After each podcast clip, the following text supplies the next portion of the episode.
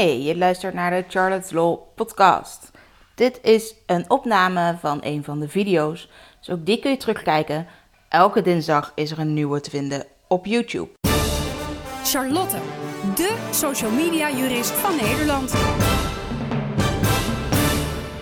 Vandaag wil ik je proberen het verschil uit te leggen tussen een contract of een overeenkomst en algemene voorwaarden.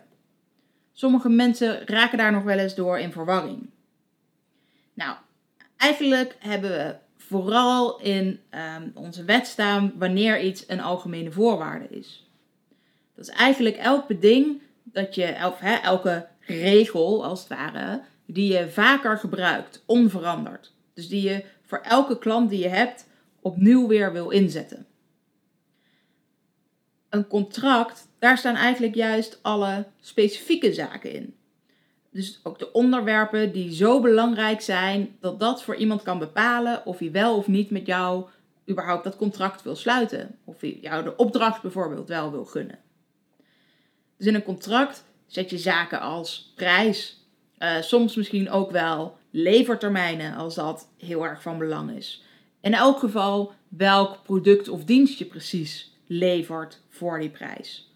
Um, dus de hoeveelheid bijvoorbeeld. Uh, en wat het precies is, dus de specificaties daarvan. In algemene voorwaarden staan dus meer de algemene regels. Denk aan aansprakelijkheid, um, betalingsvoorwaarden. Uh, wanneer er nou vindt dat er sprake is van een overeenkomst, wanneer er sprake is van meerwerk. Um, nou, allemaal dat soort zaken. Het is ook over hoe bijvoorbeeld een klacht ingediend moet worden. Als je daar een speciale regeling voor wilt treffen. Of uh, een overeenkomst geannuleerd kan worden en wat daar dan de regels voor zijn. Als er een geschil is bij welke rechter je dan terecht kunt. Heb je bij consumenten niet zo heel veel keuze in, maar zakelijk wel. Dus dat is eigenlijk het verschil tussen contract en algemene voorwaarden. Het contract kan dus heel kort blijven, waar alles specifiek in staat dat voor die opdracht geldt.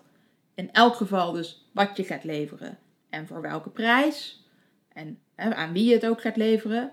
En je algemene voorwaarden, die hoef je maar één keer op te maken. Daar verander je nooit iets in. En daar staan algemene zaken in, zoals um, leveringstermijnen, betalingsvoorwaarden, klachtenregeling, annuleringsregeling, en eventueel een geschillenregeling. En wat er nog maar meer belangrijk is binnen jouw branche. Ik hoop dat ik nu het verschil een beetje duidelijk heb kunnen maken tussen een contract en algemene voorwaarden.